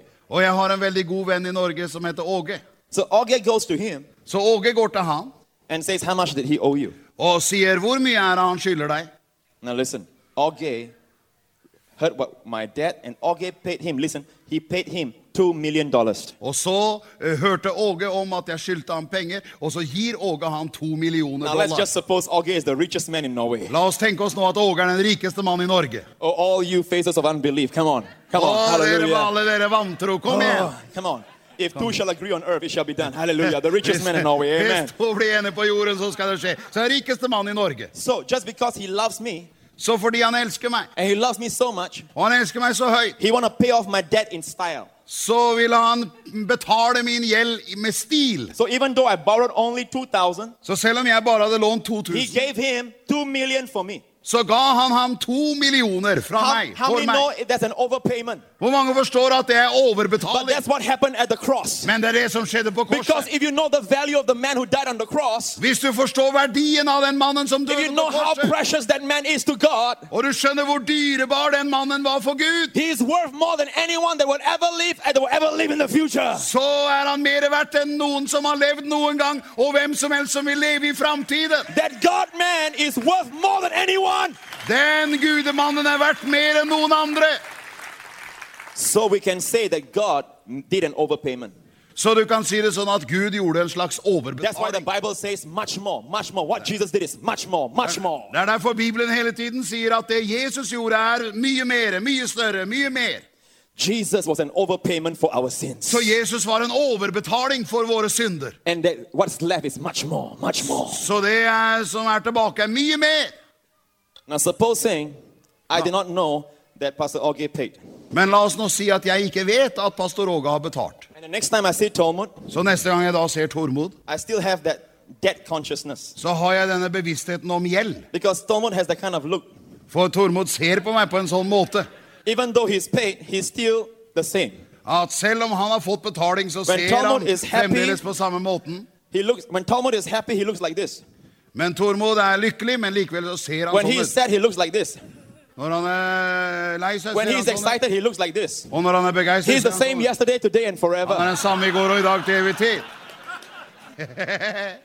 So I do not I can't tell. I, I, I still think I owe him. Så jeg fremdeles tenker at jeg skylder han noe. But in actuality, in reality, has it been paid? Men i virkeligheten har det blitt betalt. It's overpaid. Og overbetalt. But if I do not know it, Men hvis ikke jeg vet det, when I see him, når jeg ser han, I will if I see him down the street, I'll run the other side. hvis jeg ser han nede på gata, så vil jeg gå en omvei. Because I still think For jeg I owe fortsatt him. tenker at jeg skylder han noe. and there are many people in the streets of Oslo who Well, I'm- think of God like that. Og det er mange på Oslos gater som tenker det om Gud. On the other hand, På den andre side someone comes to me så kommer noen til meg and say, Pastor Prince, og sier, Pastor Prins, okay, the richest man has paid your Å- debt. Åge, den rikeste mannen, har betalt din gjeld. He paid two million. Han betalte to millioner. I say, ah, that's too good to be true. Og jeg sier, det er for godt til å være sant. It's not that simple. Det er ikke så enkelt. Ah, okay, he's a nice man, rich, but I don't know he's gonna do that for Åge er me. en snill mann og rik, men jeg tror ikke han har gjort det for meg. The next time when I see him, Så neste gang jeg ser han, I will still feel the debt. så vil jeg fortsatt føle gjelden. I'll not be comfortable in his presence. Og jeg vil ikke føle meg komfortabel i hans nærvær. This time, it is unbelief in the word. Denne gangen så er det vantro mot det ordet jeg nå har hørt. Has the debt been paid? Hvis gjelden har blitt betalt, har den blitt Come betalt? on. Whether I believe or I don't believe, the debt is paid. Så enten må jeg tro eller ikke tro at gjelden er betalt. But if I don't believe Men hvis jeg ikke tror det, that Augie paid the debt, eh, at Åge har betalt gjelden, I insult Augie. da fornærmer jeg Åge. But is it still paid? Men er den betalt? But if I believe, Men hvis jeg tror, it will make me happy. så vil det gjøre meg lykkelig. I'll be filled with joy and peace. Da vil jeg være full av glede og fred. So whether I believe Så hvis jeg or tror I don't believe, eller ikke tror, he's paid. så er han betalt. Hallelujah! Halleluja! Hallelujah! Halleluja! You believe for your joy and peace. Du tror for din fred og din glede. By the way, you understood the illustration. Forstod du illustrasjonen? I know it's early in the morning, but Jeg vet at det er tidlig på morgenen, men eh, så treig er du vel ikke. and by the way, Talmud is a good man. Og Tormod er forresten en He's veldig not a god mann. money lender, Han er ikke en som låner ut penger, I think. tror jeg. When I was a young Christian, Da jeg var en ung kristen, I still remember I got hold of this 1 John 1 9, så hadde jeg fått tak i dette 1. Johannes and I took it 1. so seriously Og jeg tok det så alvorlig. because I heard that one sin unconfessed can put you out of fellowship Og with jeg God. hørte at hvis det er én synd du ikke har bekjent, så holder det deg ute fra So samfunnet med every Gud. night I make sure I confess all my sins before I sleep. Så hver kveld før jeg la meg, så var jeg sikker på at jeg ramset opp og bekjente alle mine synder. So that if I die before I wake up, at least I go to heaven. Sånn at hvis jeg døde før jeg våknet, så skulle jeg komme til himmelen. How many had the same thought before? Hvor mange har You are taught hatt to den confess all tanken? your sins before you sleep. Du tenkte at du måtte bekjenne alle dine synder før And du gikk og sometimes la I, for, deg. I forget to confess before I sleep. I was too tired. For jeg visste, og noen ganger så var jeg for trøtt, så jeg glemte å ta syndebekjennelsen min. I før jeg woke la up in meg. the middle of the night and my heart was beating. Og jeg våknet midt på natten, og hjertet behamret. And I confessed real fast. Og jeg bekjente, bekjente veldig fort. Amen. Amen. Some people in an airplane and the airplane hit turbulence, they start confessing their sins. Noen som sitter på et fly, som eh, kommer inn i turbulens, så begynner de å bekjenne sine synder i full fart. now, if we really believe that one unconfessed sin can put us out of fellowship, Hvis vi tror at én ubekjent synd tar oss ut av samfunnet med okay, Gud let us take that argument for a while. La, la oss argumentere litt om det. That one sin unconfessed can put you out of fellowship. Hvis én ubekjent synd kan bryte fellesskap med Gud, Then you make sure you confess every single sin. ja, da må du jo være sikker på at du har bekjent hver eneste synd. You have to be consistent. Du må være utholdende If på det. one unconfessed can put you out of fellowship, you make sure you confess Og hvis every en, single sin. ubekjent, hvis en ubekjent synd holder deg ute av fellesskapet, da må du bekjenne hver eneste synd. When was the last time you doubted? Når var forrige gang du tvilte? There was a person who said, Pastor, you must confess all your sins. Eh, Og det var noen som da sa du må bekjenne alle dine synder. And I asked him, When was the last time you doubted? Og jeg spurte han når var forrige gang du tvilte? Uh, uh, Ah, ah, uh. I said, Did you confess your sin? ah, jeg sa har du bekjent den synden? Uh, no. nah. I said, Doubt is a sin. You Jeg ought to sa- confess it. Jeg sa tvil er en synd, du må bekjenne den. Then I asked him, When was the last time you were worried? Og jeg spurte han, når var forrige gang du bekymret deg? Um, uh, I said, Worry is a sin. Did you confess Jeg it? sa, bekymring er synd, har du bekjent det? Based on your theory, you're out of fellowship. Basert på din teori, sa jeg, så er du ute av samfunnet med Gud. Don't think of sin as the big, big sins. Worry, fear is sin. Ikke tenk på bare synd som de store syndene. Eh, Bekymring og frykt og vantro er synd. The Bible says whatever is of, of uh, uh, not of faith is sin. Eh, Bibelen sier at alt som ikke er av tro, er synd. When was the last time you confessed your sin of doubt and unbelief? Når forrige gang bekjente du din eh, synd av eh, eh, tvil og vantro? That person left very quickly. Og han gikk veldig fort. If we really believe one unconfessed sin can put us out of fellowship, make sure we confess all. Hvis vi virkelig tror det der at det, å- hvis en synd som ikke er bekjent holder oss ute av samfunnet med Gud, da må vi være nøye med å bekjenne alle hver eneste liten og stor synd. So when I was a young Christian, I really believed one unconfessed sin can put you out of fellowship. Så som en ung kristen så trodde jeg det her, at hver eneste en ubekjent synd kan holde deg ute av fellesskapet. So I can be talking to a friend, Så jeg begynte å snakke med en venn for and eksempel, then I began to say something that is not truthful. og så kanskje jeg sa Not noe completely som, true. eh, kanskje jeg sa et eller annet som jeg visste var ikke helt sant. And I said, There's a lie, I've confessed. Og, og, og jeg kjente det der var ikke helt sant. So halfway I'm talking, I go like this. Så midt i samtalen så snudde jeg meg og måtte bekjenne min synd. I still have friends that remember that. Eh, Jeg har fortsatt venner som husker I meg can fra be den talking gangen. halfway and have a bad thought, Jeg kunne sitte midt i en samtale og hadde en dårlig tanke, and I'll go around og jeg gikk til side og because my heart was so sincere. I didn't want to go one minute out of fellowship with For jeg God. var så oppriktig i mitt hjerte, jeg ville ikke gå ett minutt uten fellesskap med Gud. I couldn't understand why believers were not confessing their sins all the time. Så jeg forsto ikke det at ikke troende hele tiden drev og bekjente synder. I remember one day I was playing soccer, En dag husker jeg var ute og spilte fotball, and then I shouted something that I, out of anger to, towards the op- opposing team. og jeg ropte et eller annet av sinne til eh, det, kamp, det s- teamet vi spilte mot. And I was a goalkeeper, Og jeg var keeper, and I went to one the, the goalpost, and I went. og jeg gikk bort til, til målstanga og, og bekjente mine synder. The ball went in, Og, bo- og, og de fikk mål! and my team shouted at me, Og mitt lag "What's wrong with you?" Skreik til meg, hva er det galt med deg? I was getting right with God. Ja, men jeg drev jo og gjorde opp min sak med Gud. And then later on, in, in Singapore, you have to serve the army. Og så, Compulsory. og så senere i Singapore så måtte jeg i militæret. So I went to the army, Så jeg gikk inn i militæret. and during my, my basic training, Og da vi var i, i den basistreningen, I remember carrying my machine gun running up the hill. eh, og jeg husker jeg sprang med et mis- maskingevær opp en bakketopp, And the instructor was shouting all kinds of vulgarities at all our section. og eh, befalet ropte alle mulige slags befalinger. That's utover part of the sesjonen. training. Det var en del av eh, rekruttskolen. And I had a very bad thought towards him. Og jeg fikk en veldig dårlig tanke om han. As I ran halfway Så når jeg hadde løpt halvveis up the hill, opp bakken, I stopped. så stoppet jeg. Og jeg måtte bekjenne min synd. I, I did all that Jeg gjorde det. because in the army you dare not be out of fellowship with For når God. du er i militæret, så våger du ikke å være ute av samfunnet med Gud. So I make sure that I don't go one minute longer out of fellowship. It's, it's called keep short accounts. I don't know if you heard that. Så, så, så jeg sørget alltid for å gjøre opp min sak med Gud. Det kalles å holde korte regnskap med Gud.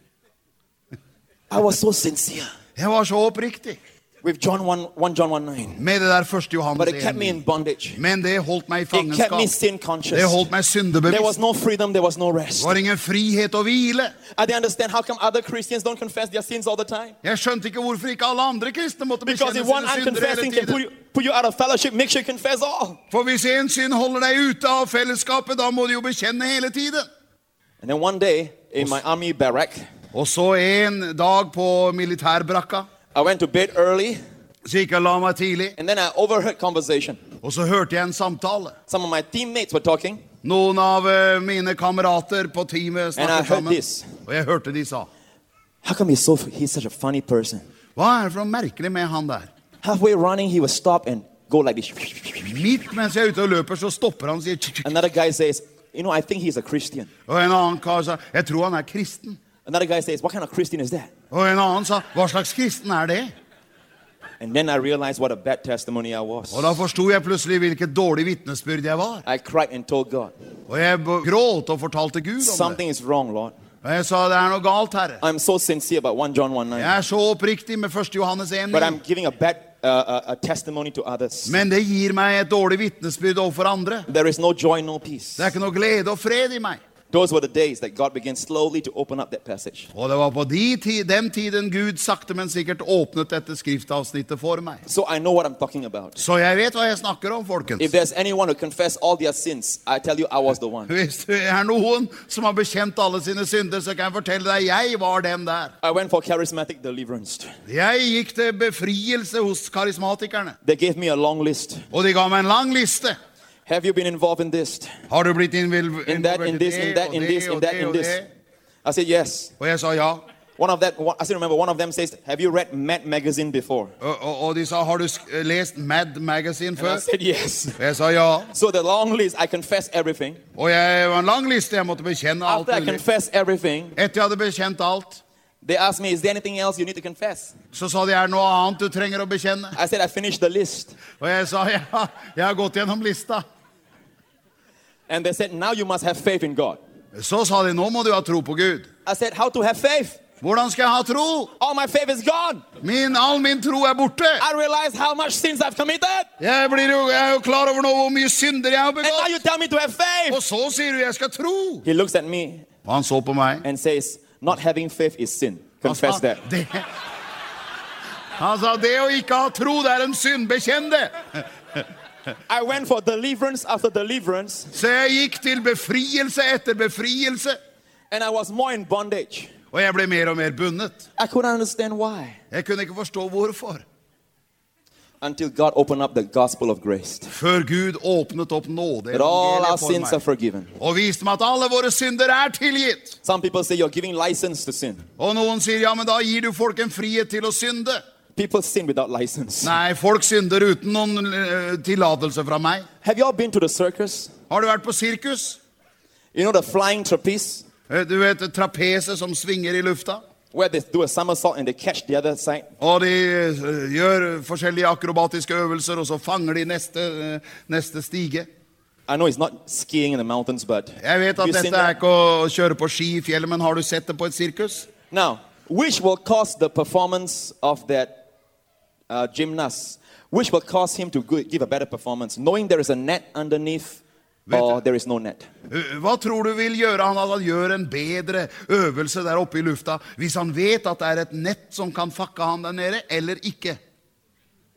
When there is a net. Jo, når han vet det er When et there is a sikkerhetsnett. net, he can somersault three, four, five times. Når han vet det er et sikkerhetsnett der, da kan han gjøre noen eh, volter både to og tre og fire ganger. But when there is no net, it's only one time with drums rolling. Men hvis, hvis, det er, hvis det ikke er noe nett der, så har han én sjanse, og så er han ferdig.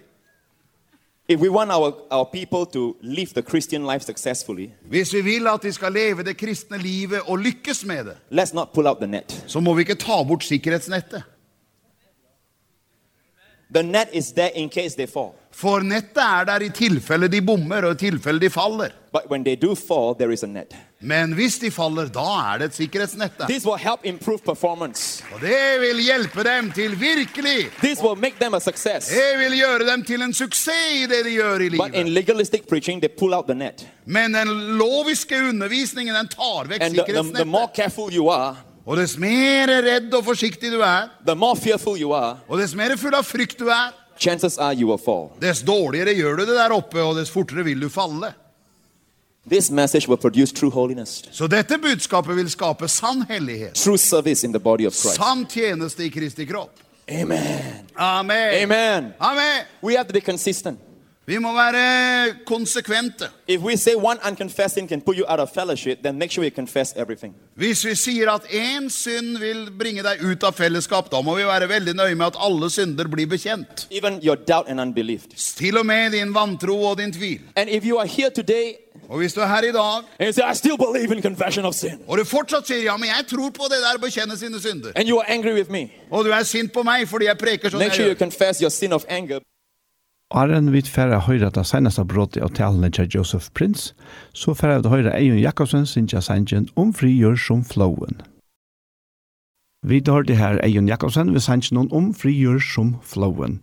Og og i ser sending så lustar vi etter en tale til Joseph Prince ur Singapore som han helt i Oslo Christian Center og og alle skjer tolkar. Og i sånn bråten, sørste bråten som byrjar nå, er mangla enn et tvær trudje setningar, og til er vekkene opptøkna. Men uh, det som han uh, forholdt vi er å vise av at det er jotta sint, at det hever støy i det gamle sottmalene. That's where confession of sin came out from. Og det er der syndebekjennelse startet. But the blood of goats Men blodet av bukker can only last one day kan bare vare en dag, or until the next sin. eller til neste synd. Because if you sin the next time, For hvis du synder neste gangen, you have to bring in another goat. så må du komme med en geit til, Lay your hands and confess again, og legge hånda på geita og bekjenne igjen. and you are forgiven Og så blir du tilgitt. until the next sin. Helt til neste synd. Then you have to bring another goat. Så må du få en neste geit. When we treat Jesus' blood like that, Når vi behandler Jesu blod We are på bringing the den blood of måten, Jesus on the same level as the blood of bulls and goats. så bringer vi Jesu blod ned på samme nivå som blodet av bukker og kalver. The blood of goats are temporal. Men blodet av bukker og kalver er bare The midlertidig. blood of Jesus is eternal. Mens Jesu blod er evig. The blood of goats give you temporal forgiveness. Blodet av bukker og kalver gir deg en midlertidig tilgivelse. The blood of Jesus gives you eternal Mens forgiveness. Jesu blod gir deg evig tilgivelse. Stop putting the blood of Jesus in the same level as the blood of bulls and goats. Så slutt å dra Jesu blod ned på samme nivå som blodet av bukker og kalver. That was a mistake of the Hebrews Det var den feil hebreerne in the gjorde. book of Hebrews. I hebrebrevet It says, if we sin willfully, så står det at hvis vi synder med vilje, there remains no more sacrifice for sins. så finnes det ikke lenger noe tilbake, noe offer for synd. And I heard preachers using that passage Og jeg har hørt predikanter bruke det skriftstedet to bring fear to the believer. for å bringe frykt til de troende. If you sin willfully. Å, hvis du synder med vilje. Now listen. Nei, hør. Every sin that we have committed since we were saved, Hver synd vi har gjort etter vi ble frelst, they were all willful sins. var med vilje. Come on. Kom igjen. We all sinned because we wanted to sin. Vi syndet fordi vi ville synde. That means, according to that verse, there's no more sacrifice of sins. Så You're det, lost. be, så det betyr ifølge det verset at da er det ikke lenger noe tilbake, noe That's offer not for what the- synder, så da er du fortapt. That's not what the passage is referring. Men det er ikke det det skriftstedet handler om. If we sin willfully, Hvis vi synder med vilje, was written to the Hebrews ble skrevet til hebreerne after they have heard the preaching of Jesus Christ etter at de hadde hørt forkynnelsen om Jesus as the Kristus, final sacrifice, eh, at han var det fullbrakte the offer, true Messiah. at han var den sanne Messias, The writer of Hebrews så skriver Hebrebrevets forfatter, whom I believe is Paul, som jeg tror var Paulus, told them this han sier til If deg, you know Jesus' blood is the last blood you'll ever need, hvis du tror at Jesu blod er det siste blodet du behøver, believe Him all the way. så må du tro på han hele veien. Don't go back to the temple sacrifices Ikke gå tilbake til tempeloffringene and offer the blood of bulls and goats. og ofre blod av bukker og kalver. That is sinning willfully. Det er å synde med vilje. Knowing that Jesus is the Messiah Nemlig å vite at Jesus er Messias. and you've experienced the power of the Holy Spirit among you, Og dere har opplevd den hellige ånds kraft iblant dere. and the Hebrews did to the preaching of Paul and the other apostles. Og hebreerne opplevde det gjennom Paulus' undervisning og de andre apostlenes preken. So after they see it, Så etter de hadde sett det, they turn their back on Jesus and go back to the temple sacrifices. så snudde de likevel ryggen til Jesus og gikk tilbake til tempelofringene og tok ikke imot frelsen. There is no more sacrifice. Da er det ikke lenger noe, noe annet offer tilbake for synd. That is what Paul There- was writing about. Det er derfor Paulus skriver om det. Amen. Praise the Lord. Pris til Gud. So in the, uh, in the Old Testament, when they sinned, they brought a goat. Så i Det gamle testamentet, når de syndet, så kom de med en bukk. Now, supposing you are driving down the road La oss anta at du kjører nedover veien, on the mountains of Norway, i fjellene i Norge. and it, now I do not know you have billboards, advertisement boards. Do you have that? Og, ja, og dere har eh, tavler som annonserer forskjellige ting. And supposing you're you're a young man driving down the road, Og la oss si at du har reklameplakater når du kjører nedover veien som en ung gutt. and there is a beautiful girl in bikini on the billboard. Oh Og så er det en vakker dame i bikini på reklameplakaten. Oh my, y'all look so spiritual. Å, så åndelig dere ser ut. And you happen to look at the billboard slightly longer than you should. Og du så på den plakaten litt lenger enn det du burde. Now you have sinned. Da har du syndet. Your car skids off the cliff. Og din bil kjører ut for veien. Now you got that nick of time, that little time to confess your sin before you die. Så du har veldig kort tid nå til å få bekjent dine synder før du And you dør. better confess fast Så du må bekjenne fort. before your car hit bottom. Før bilen treffer eh, Because- b- dalbunnen. If you die with unconfessed sin, For hvis du dør med en ubekjent synd, you're out of fellowship with så er God. du ute av fellesskap med Gud. And not only that, Og ikke bare det, before your car hit bottom, at før din bil går i bånd, you must find a goat. så må du finne en geit. You have to be consistent. If you want to go back to the Old Testament sacrifice, get a goat. Så jeg mener, hvis du vil tilbake til det gamle testamentets system, så gjør det ordentlig.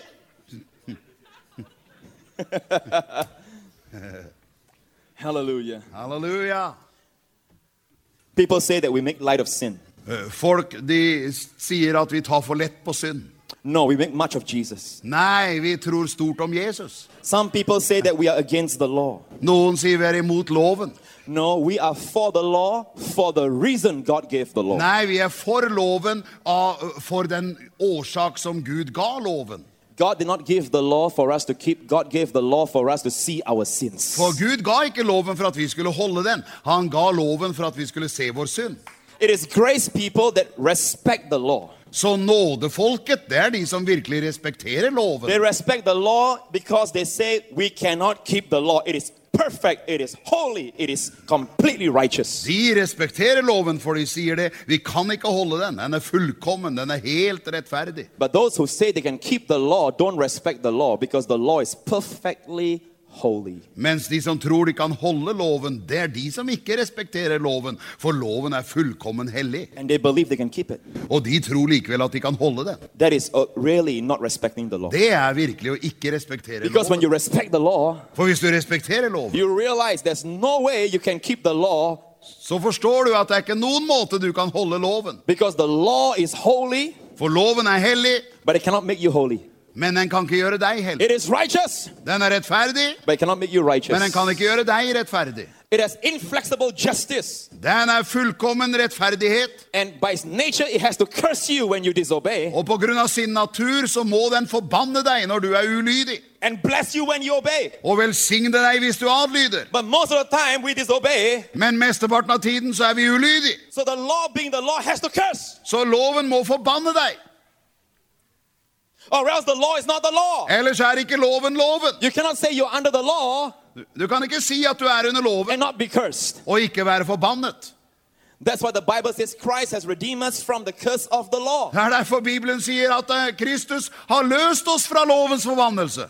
What does that mean? Hva betyr det? Have you meditated on that before? Har du meditert på det noen gang? Christ has redeemed us from the curse of the law. Kristus har kjøpt oss fri fra lovens forbannelse. Does that verse mean Christ has redeemed us from the curse of the law because we keep the law? Er det sånn at Kristus har kjøpt oss fri fra lovens forbannelse fordi vi holder loven? Well, if we keep the law, why should there be a curse? Nei, hvis vi holder loven, hvorfor skulle vi da være forbannet? That verse only means something when you break the law, but Christ has redeemed you from the curse. Det verset bare betyr noe når du har brutt loven, at Kristus har kjøpt deg fri fra lovens If you say, no, forbannelse. Pastor Prince, that verse means we keep the law as best as we can and Christ will redeem us from the curse, Ja, men pastor Prins, det betyr at hvis vi holder loven så godt vi bare kan, så vil han forløse oss fra lovens then forbannelse. my question is, why should God curse you when you keep the law? When you keep the law, there is no curse. Eh, Hvorfor skulle da Gud forbanne deg hvis du holder loven? That verse only means something when you break the law, there is no curse because Christ has redeemed you. Det verset bare betyr noe hvis du har brutt loven, for det er da han måtte kjøpe deg fri fra lovens forbannelse. Hallelujah. Halleluja! Hallelujah. Halleluja! Now, in closing, I want to share something real quick. Skal jeg le- dele med, med deg raskt helt til slutt. You have been blessed. Har du blitt velsignet? Have I preached uh, in a simple way? Har jeg prekt enkelt nok? It's important to me because years ago, Det er viktig for meg, for for noen år siden God said to me, Son, feed my sheep, not my giraffe. så sa Gud til meg Fø mine lam, ikke mine giraffer. Some of us are preaching up there, you know. Mange ganger så preker noen der oppe. Now, if we turn to Romans, in closing, let's turn to Romans La oss gå til romerbrevet her til slutt. chapter 4. Kapittel 4. I'm going to read from uh, v- chapter 4 of Romans, verse 19 onwards. Eh, Romerbrevet 4 fra vers 19 og utover. It says about Abraham not being weak in faith, he did not consider his own body al- already dead and the deadness of Sarah's womb. He did not waver the promise of God through unbelief. He was strengthened in faith. He gave glory to God, being fully convinced that what God had promised he was able to perform, and therefore it was accounted to him for righteousness. Eh, Han ble ikke svak i troen og var ikke opptatt av sitt eget legeme, som allerede var utlevd siden han snart var 100 år. Heller ikke var han opptatt av Saras døde mors liv. Han tvilte ikke i vantro på Guds løfte, men han ble styrket i troen i det han ga Gud ære. Han var helt overbevist om at det han hadde lovt, det var han også i stand til å gjøre. Now turn with me to Genesis 17. Og derfor ble det regnet ham til rettferdighet. Gå til 1. Mosebok 17. 17 Genesis verse 17. 17 17. 1. Mosebok 17, 17. In verse 17 of chapter 17, the Bible says, Abraham fell on his face and laughed and said in his heart, Shall a child be born to a man who is 100 years old? Da falt Abraham ned på sitt ansikt og lo, og han sa i sitt hjerte, kan det bli født barn til en mann som er 100 år gammel, og kan Sara føde hun som er 90 år? In other words, when God told Abraham that he will have a son, he laughed. Med andre ord, da Gud sa til Abraham han skulle få en sønn, så lo han av det. How many know that's not good practice in the presence of God? Hvor mange forstår at det er ikke god oppførsel i Guds nærvær? Not only he laughed, Sarah also laughed. Ikke bare lo han, men Sara også lo. That's why they call the boy's name Laughter, Isaac.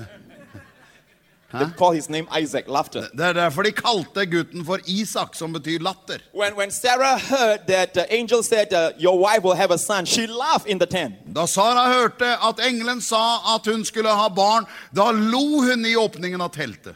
Abraham laughed. Og Abraham står der, han lo, ha, ha, ha. He didn't believe. Han trodde ikke. But when you look at Romans, Men når du ser på romerbrevet, the Bible says he did not waver in faith. så står det at han ble ikke svak i troen. He was strong in faith. Han var sterk i tro. Oh, he was fully persuaded that what God promised, God was able to perform. Fullstendig overbevist om at det Gud hadde lovt, var han i stand til å gjøre. But when I read Genesis' account, Men når jeg leser det som står i Moseboken, when he heard what God told him, he laughed. da han hørte hva Gud sa, så lo han. Sarah laughed inside the tent. Og Sara lo i teltåpningen. I couldn't understand the two. Så jeg kunne ikke forstå It sammenhengen seems her. like two different stories. Det ser ut som to helt forskjellige historier. Until I understood what it means blessed is the man to whom the Lord will not impute sin. Helt til jeg forsto hva det der betyr, at salig er den mann som ikke Herren tilregner misgjerninger. How many know unbelief and doubt is a sin? Hvor mange forstår at tvil og vantro det er synd? In the earlier part of Romans 4, it says, Blessed is the man who, when he sins, God does not count his sin against I him. første del av Romerne 4 så står det om det at salig er den mann som Herren som har fått sine synder forlatt, salig er den mann som Herren ikke tilregner misgjerninger. Så, So Genesis speaks of the earthly point of view, Moseboken forteller deg det jordiske eh, ut fra det jordiske synspunkt, but Romans speaks of heaven's point of view. mens Romerbrevet forteller deg hvordan det så ut fra himmelen. So there are times Abraham confessed, I'm, I'll be a father of many nations. I'll be a father of many nations. Og det fantes tidspunkter da Abraham sa, jeg skal bli mange folks far. Jeg er en far til mange folk. Heaven records down his faith. Og da skrev himmelen ned hans tro. But every time he, he laughed, I don't think we'll have a child. Hver gang han lo av det, sa jeg, tror ikke vi, jeg tror ikke vi får noe barn. God did not take note. Så skrev ikke Gud notater over det. Every time Sarah says, Yes, I believe I'll have a son, Eh, Mens hver gang Sara sa ja, jeg tror vi skal ha heaven en sønn», writes down. så skrev himmelen ned. Every time she says, You know, Abraham, are you sure you'll have a son? God did not write it down. Eh, Mens hver gang hun sa til Abraham, er du sikker Abraham at vi kommer til å få noen sønn? Det skrev ikke Gud ned. Blessed is the man to whom the Lord does not count his sin, even his sin of Vels- doubt. Velsignet er den mann som Herren ikke tilregner hans misgjerninger, selv ikke hans How that vantros sets us free. Hvordan det setter deg fri. Because we in the word of faith, For vi i there are trosbevegelsen, times we confess with faith. vi er- eh, sier at folk må bekjenne sin tro. Yes, by his stripes I'm healed. Ved hans sår er jeg helbredet. But a few days later, Men så noen få oh dager darling, senere. I'm gonna die. Og så sier vi, å darling, jeg kommer til å dø. And then a few days later we say, I believe I receive by faith. Og noen dager senere sier jeg tror at jeg har fått det ved tro. And a few days later we run to the doctor and say, Am I gonna die? Og så går vi til doktoren og sier tror jeg kommer til å dø.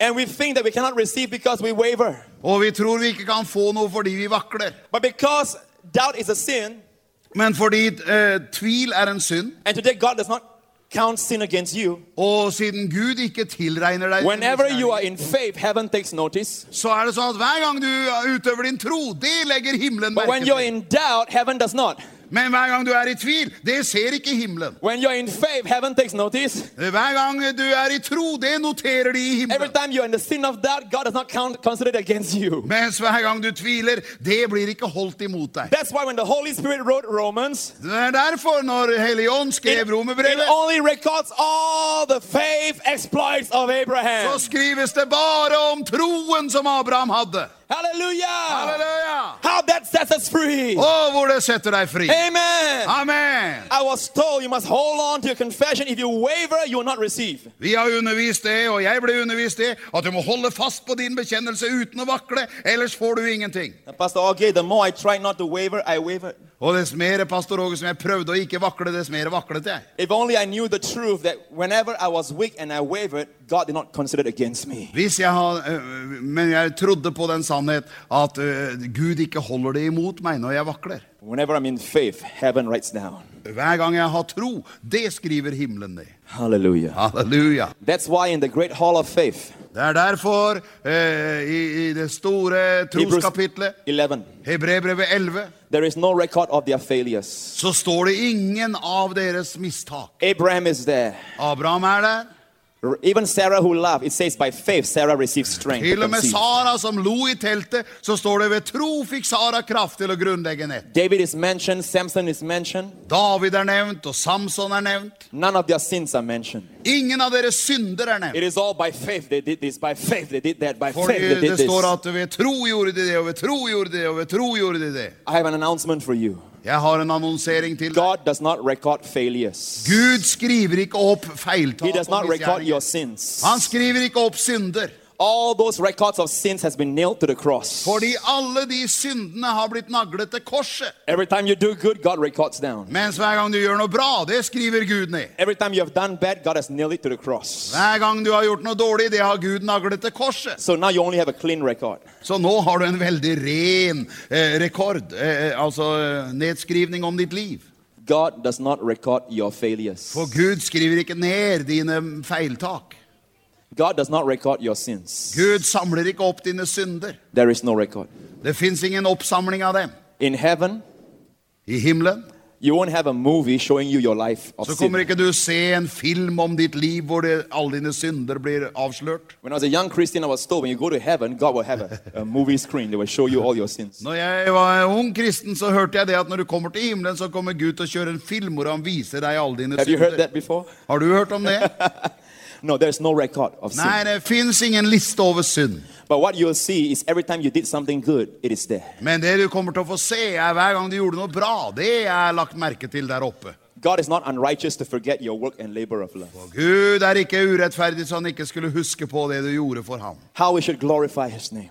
Å, hvilken ære det vil være for hans navn. These will build faith in our hearts. Det vil bygge tro i våre hjerter. And if we do fall, Og hvis vi faller, get back up again. så kom opp igjen. God did not count it against you. For Gud holder det ikke imot deg. Amen. Amen. It will help us in our relationships. Det vil hjelpe oss i våre relasjoner oss imellom. If God does not count my sin against me, Hvis Gud ikke regner mine synder imot I meg, don't have to count my wife's sin against her. så behøver jeg heller ikke å holde mine, min kones synder mot meg opp imot henne. I don't have to count my children's sins against them. Jeg bør ikke holde mine barns synder opp i ansiktet på dem. If God has forgiven me, I can forgive others. Hvis Gud har tilgitt meg, så kan jeg tilgi de andre. That will be the result. Det vil være resultatet. And that is a true holiness we are talking Og about. det er det sanne synet. Det vil skape den sanne helligheten. Your sins are all forgiven. Dine synder er tilgitt. Right now, where you sit, Akkurat der du sitter nå, there's not one thing in your Right. life that is displeasing to God. så er det ikke én ting i ditt liv som ikke behager Gud. God is absolutely in love with you, Gud er fullstendig forelsket i deg. He is irreversibly in love with you. Han er ugjenkallelig full av kjærlighet overfor deg. He loves us with a personal love. Han elsker oss med en personlig Although kjærlighet. there's many of us, He loves us personally. Selv om vi er mange individer, så elsker han oss helt personlig. When I go to the throne of grace, I don't find Pastor Augie or anyone there, just me.